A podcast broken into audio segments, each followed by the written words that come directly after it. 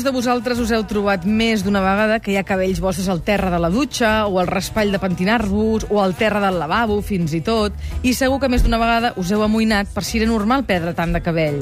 Doncs bé, avui sortirem de dubtes perquè parlarem de la caiguda dels cabells. En parlarem de seguida amb la nostra convidada d'avui, però abans en Xavi Rossinyol ens dona algunes dades sobre aquest tema. Aquesta setmana hem sabut que la calvícia és la primera preocupació estètica dels catalans i dels espanyols. Segons un estudi publicat per Creacions Michael, el 52% dels encastats tenen el cabell com a principal preocupació. La majoria de dermatòlegs afirmen que es considera normal perdre fins a 100 cabells al dia. El pèl no té més de 5 o 6 anys de vida. Naixem amb 100.000 cabells i morim amb 25.000, o sigui que en perdem tres quartes parts al llarg de la nostra vida. I a internet hem trobat alguns remeis casolans que ara comprovarem si funcionen o no. Per evitar la caiguda, recomanen fregar-se els cabells amb oli de fetge de peix un dia a la setmana. Bé. La nostra convidada està pel nas. Què més? Per afavorir el creixement, és ideal refregar-se pel cap polpa d'aloe vera una vegada al dia. Fa com que Què ni diu fu el ni fa. polígraf? Ni fu ni fa, diu. Això, ni fu ni fa. Ni fu ni fa. I per aconseguir que brilli, aconse acon aconsellen fer-se un massatge a la cavallera amb suc de ceba i llimona barrejada Aquí diu que no. abans d'anar a dormir. Això ja té mèrit, eh? Ja té mèrit. Doncs avui el nostre, la, nostra, la nostra polígrafa, anava a dir, és la doctora Lola Bo, que és de- dermatòloga i membre de la Junta Directiva de l'Acadèmia Espanyola de Dermatologia. Bon dia i benvinguda al suplement Bon una dia. altra vegada. Moltes gràcies. Perquè segur que molts dels nostres oients que ens estan escoltant en aquests moments et recorden i et trobaven a faltar. Segur que sí, que van ser molts anys. Moltíssimes gràcies per l'oportunitat d'estar aquí amb vosaltres i compartir una estona. Nosaltres també obrirem les nostres vies de comunicació, que són el telèfon, el 93 201 7474, o el correu electrònic a suplement arroba per si teniu alguna consulta puntual que la nostra convidada, la doctora, avui ens pugui solucionar. D'entrada, jo trobo que la dada potent és que tant espanyols com a catalans la primera preocupació estètica sigui la caiguda dels cabells. Sí, és una preocupació important si tenim en compte que hi ha tanta gent afectada, no? I que, a més a més, és una cosa molt evident, perquè a vegades hi ha altres dermatosis que segurament són més importants o que, que representen una patologia seriosa, però com que queda tapada per la roba, que queda en zones ocultes, no es veu i cadascú porta com pot o com sap. Però el del cabell afecta moltíssim. I sí que és, com que afecta tant a homes com a dones, tot i que les dones en, en menor grau en funció de l'edat, doncs, eh, clar, és un problema generalitzat per tothom. I uh -huh. com que s'ho veuen, acomplexa, molesta, sap greu, no es comprèn, no s'accepta. Però em deies que hi ha solució, que ara en parlarem més endavant, eh? Algunes Eh, solucions. Hi ha algunes coses que no cal passar pel suc de ceba ni per aquestes coses que, que potser departarien més de la societat, però sí que hi ha coses a fer, és a dir, que fa 20 anys, fa 10 anys, era molt diferent d'ara, tot i que en aquest moment, avui, avui no hi ha coses noves, noves de diferència de fa un any o dos, però sí que tenim tractaments, si més no per, mm, que, verge meva, que em quedi com estic, no? És a dir, que, que no, Que no que no evolucioni, clar. que no evolucioni. Anem a l'inici de tot plegat i és per què cauen els cabells. Uf, és multifactorial, és a dir, que hi ha moltíssimes causes de caiguda de cabell.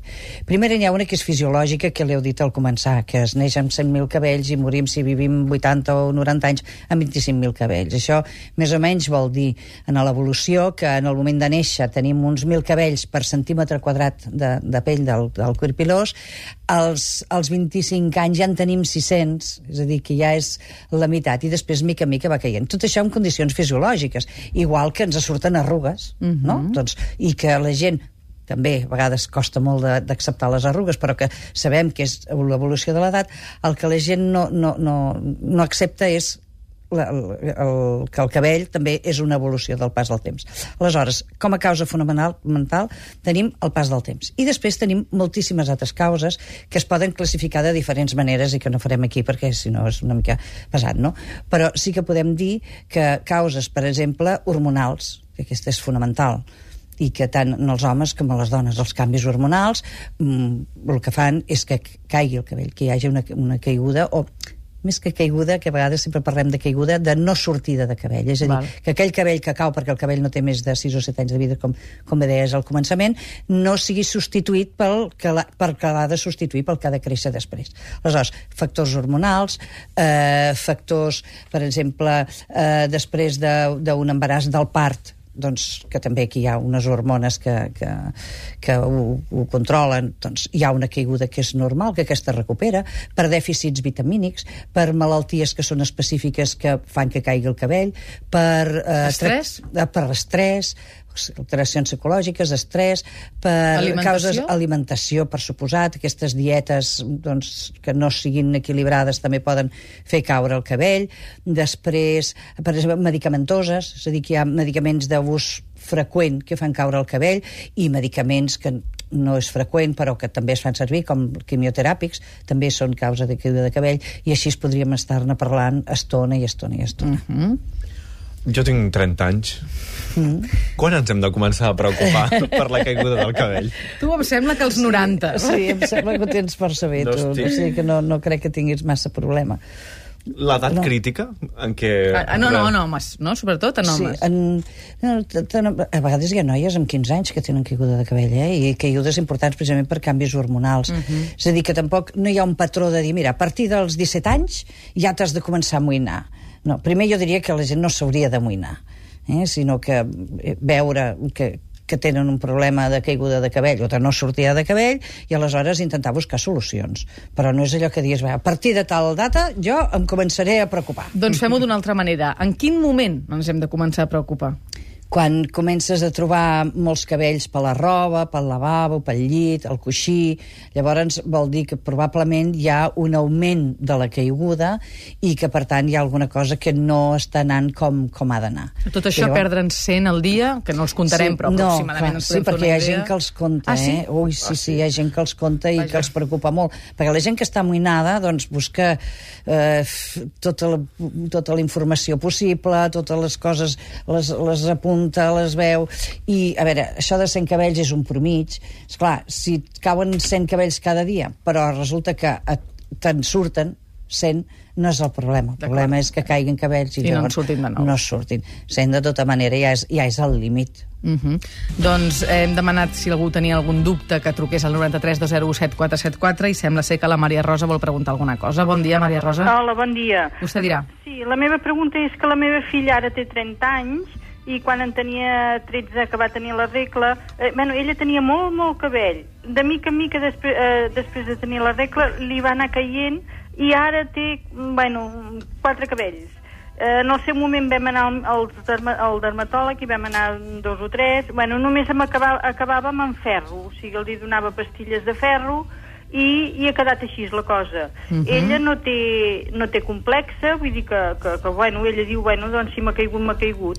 Eh, no ha fet mai dietes, eh, menja de tot. I, I la seva pregunta quina és? Eh, què, què podríem fer per tenir més cabell? Molt bé. Què és el que no... Si hi ha alguna analítica, alguna cosa que, que ens pugui dir doncs, el per què aquesta nana li ha caigut tant el cabell? D'acord. Doncs ara li contestarà la doctora. Moltes gràcies per trucar. Moltes gràcies. Que vagi bé, adéu-siau. Bé, jo fer un diagnòstic sense veure la pacient en una història clínica, això és impossible, no? Uh -huh. Però sí que avui en dia s'ha de fer, s'ha de fer una història clínica molt ben feta, veure exactament com va anar, probablement tot això va estar desencadenat per els canvis hormonals, com explica ella, que és un moment determinat, i després fer una sèrie d'analítiques i exploracions i a partir d'aquí diagnosticar i, si més no, intentar de reforçar el cabell que té i que això no, no vagi a més.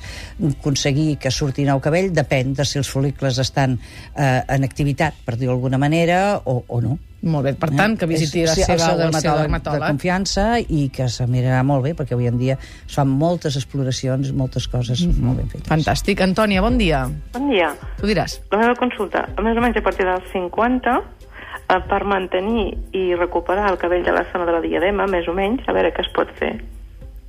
A partir de la, la meitat de la, de, Sí. de, de la closca, per entendre'ns, eh? Sí, la zona aquesta que es posa les diademes, aquesta part d'aquí. Molt bé, gràcies, Antònia. A part, o Gràcies, sigui, bon que té el front més, Més- allargat, per dir-ho d'alguna manera. Això és una, una alopècia cicatricial que en diem postmenopàusica, que és, és una mica complicada, però que si s'agafa més o menys a temps, també podem fer alguna cosa. També podem fer tractaments. Mira, precisament jo acabo d'arribar, com comentava abans, a micròfon tancat, de Nova Orleans, del Congrés Anual de l'Acadèmia Americana de Dermatologia, i en la que he tingut oportunitat d'escoltar i parlar amb la doctora Vera Price, que és la persona que sap més del món de cabell, i que tot, tot, tots els dermatòlegs del món seguim les seves les seves normes i precisament parlava d'aquest tipus d'alopècia entre, entre moltes altres i sí que hi ha coses a fer hi ha, hi, ha, hi ha alguna cosa a fer no que hi hagi una gran sortida, és, això és evident però jo, a veure, no és que vull dir, no vull dir a tothom que tot té solució i que el cabell surt a tothom, no, no, no, això tampoc ho estic dient, però sí que com a mínim mantenir el que hi ha, reforçar-lo i en alguns casos podem aconseguir avançar una mica. Molt bé. I encara una altra última trucada, la Maribel. Bon dia, Maribel. Hola, bon dia. Tu diràs. Mm, Jo, bueno, jo volia fer una consulta a la doctora Bou perquè mm, bueno, la meva idea és anar, evidentment, al, al dermatòleg, però és una cosa que he anat deixant i jo el que m'ha passat és que amb el pas dels anys, jo tinc 53 anys ara, Uh -huh. i no tinc, eh, pràcticament ja no tinc celles. Uh -huh. No és perquè me les hagi depilat, o sigui, sé que hi ha gent que se les ha depilat sempre molt fines i després Sí. no surten, el que és el cas, no és el cas. Val. Jo no me les havia depilat mai, o sigui, les portava gruixudes i bé, i d'uns anys cap aquí, primer, però, o sigui, no és que no és que m'anessin caient, és que els cabells, que els pocs que tinc, els tinc com transparents. No són ni blancs, o sigui, no són ni canosos. Ja, ja, ja. I no has passat per cap procés mèdic que t'hagi fet caure el cabell? No, no, eh? no, no, no, no. Molt bé. No, no, no. Doncs ara intentarem que et contesti la doctora. Gràcies per trucar, Maribel. Moltes gràcies. Que vagi bé, adéu-siau. Adéu, adéu. Les preguntes són per nota, Difícils, eh? no? Sí, difícils, sí. sobretot sen, sense veure, però sí que també és cert que igual que es perd eh, pèl del, de, del cap, del pubis, dels braços, de les cames, a mesura que passen els anys, les, les senyors, per exemple, s'han de depilar menys. Mm -hmm. Això és un, és un sí, sí. fet que, que, que, que, és manifest, no? I a vegades també les celles passen, fan aquestes males jugades que també també cauen. I a vegades sense cap motiu, només que pel pas de l'edat. Alguna cosa es pot intentar, intentar amb tocs de minoxidil tòpic o a vegades una petita infiltració amb una miqueta de corticoide, molt, molta, molta, molta cura. És a dir, això al seu dermatòleg li, li dirà el, el què pot fer. Que no ho endarrereixi més, per tant, la Maribel, no, aquesta perquè, visita al dermatòleg. És que passa, això també és cert, que a vegades hi ha un problema que ve de temps, i llavors hem deixat passar el temps i de sobte llavors volem arreglar-ho tot de cop, uh -huh. i això és, això és molt difícil. És a dir, que quan una persona veu un problema i que li preocupa, és millor consultar-ho quan abans millor, perquè la solució també està més a prop. Molt bé. Tinc quatre preguntes molt quotidianes i molt bàsiques sobre els cabells. Per exemple, és millor pentinar-se amb raspall o amb pinta o és indiferent? És indiferent. El que s'ha de mirar és de, de fer servir pintes o raspalls que no siguin molt traumàtics. Uh -huh. És a dir, perquè n'hi ha de que, que, que són... Que es- que tiben, no? Que tiben i que Ah. trenquen. Aleshores, aquests no, aquests descartats. Molt bé. Afecta d'alguna manera els cabells el fet que ens els aixuguem amb un assecador? A veure, el que no se recom no es recomana massa és fer servir un secador molt, molt calent, molt calent. Però si no, es pot fer servir tranquil·lament. sí. I quan diem secador també diem planxes de cabell? O ha aquestes són més agressives? Sí, són més agressives, però avui en dia també la tècnica, la tecnologia ha avançat molt i hi ha algunes de, De ceràmica, de, no? de ceràmica, de porcelana, que són molt... Que, que aquestes no fan massa mal si no es fan servir a tota hora. I, Val. Molt. Una altra cosa, cada quan ens hem de rentar els cabells? Perquè això hem sentit que cada dia, que un cop a la setmana, cada un Doncs- dia sí, dia no. Té una resposta molt fàcil, cada quan el cabell ho demani. És a dir, si el cabell s'embruta cada dia, perquè a vegades, precisament per aquestes secrecions hormonals, fa que hi hagi un excés de producció de greix i aleshores això fa que el cabell estigui greixós, fa molt més mal aquest greix en el cabell que no l'agressivitat que podria representar fer servir un xampú cada dia. Uh -huh. Per tant, jo sempre aconsello rentar el cabell cada quan el cabell ho demani amb xampús adequats. A veure, per exemple, una persona que tingui un cabell molt greixós no pot fer servir tampoc cada dia un antiseborreic, un antigreix, perquè si ho fa cada dia, cada dia un antiseborreic, efecte. no, el, el, el, pot, pot arribar a fer l'efecte rebot, és a dir, que sigui tan potent que llavors eh, et faci, eh, eh, trobis el resultat contrari al que busques. Aleshores, jo sempre recomano fer servir un xampú de tractament combinat amb un xampú neutre, uh -huh. eh, amb un, xa- un xampú d'aquests que diuen de tractament diari o d'ús de, de, d'ús diari. Aleshores, el cabell, cada quan el cabell ho demani, si és cada dia, cada dia, cada dos dies cada tres. A vegades, excepcionalment, hi ha gent que diu jo me'l rento cada cinc dies perquè realment té cabell molt sec però, mm, i que no, que no se li embruta, però jo sempre cada tres dies com a molt. Molt. Doncs avui hem pogut fer aquestes pinzellades sobre la caiguda de cabells. Hem mig resolt alguns dels dubtes que tenien els nostres oients, evidentment perquè la millor resposta és anar a visitar el nostre o la nostra dermatòloga i fer-li les consultes directament. Per tot i així, ha estat tot un plaer tenir avui la doctora Lola Bou amb nosaltres, que és dermatòloga i membre de la Junta Directiva de l'Acadèmia Espanyola de Dermatologia, i esperem que no sigui l'última vegada. Moltíssimes El suplement gràcies. sempre serà benvinguda. Moltíssimes gràcies. Que vagi molt bé. Fins la propera. Adéu-siau.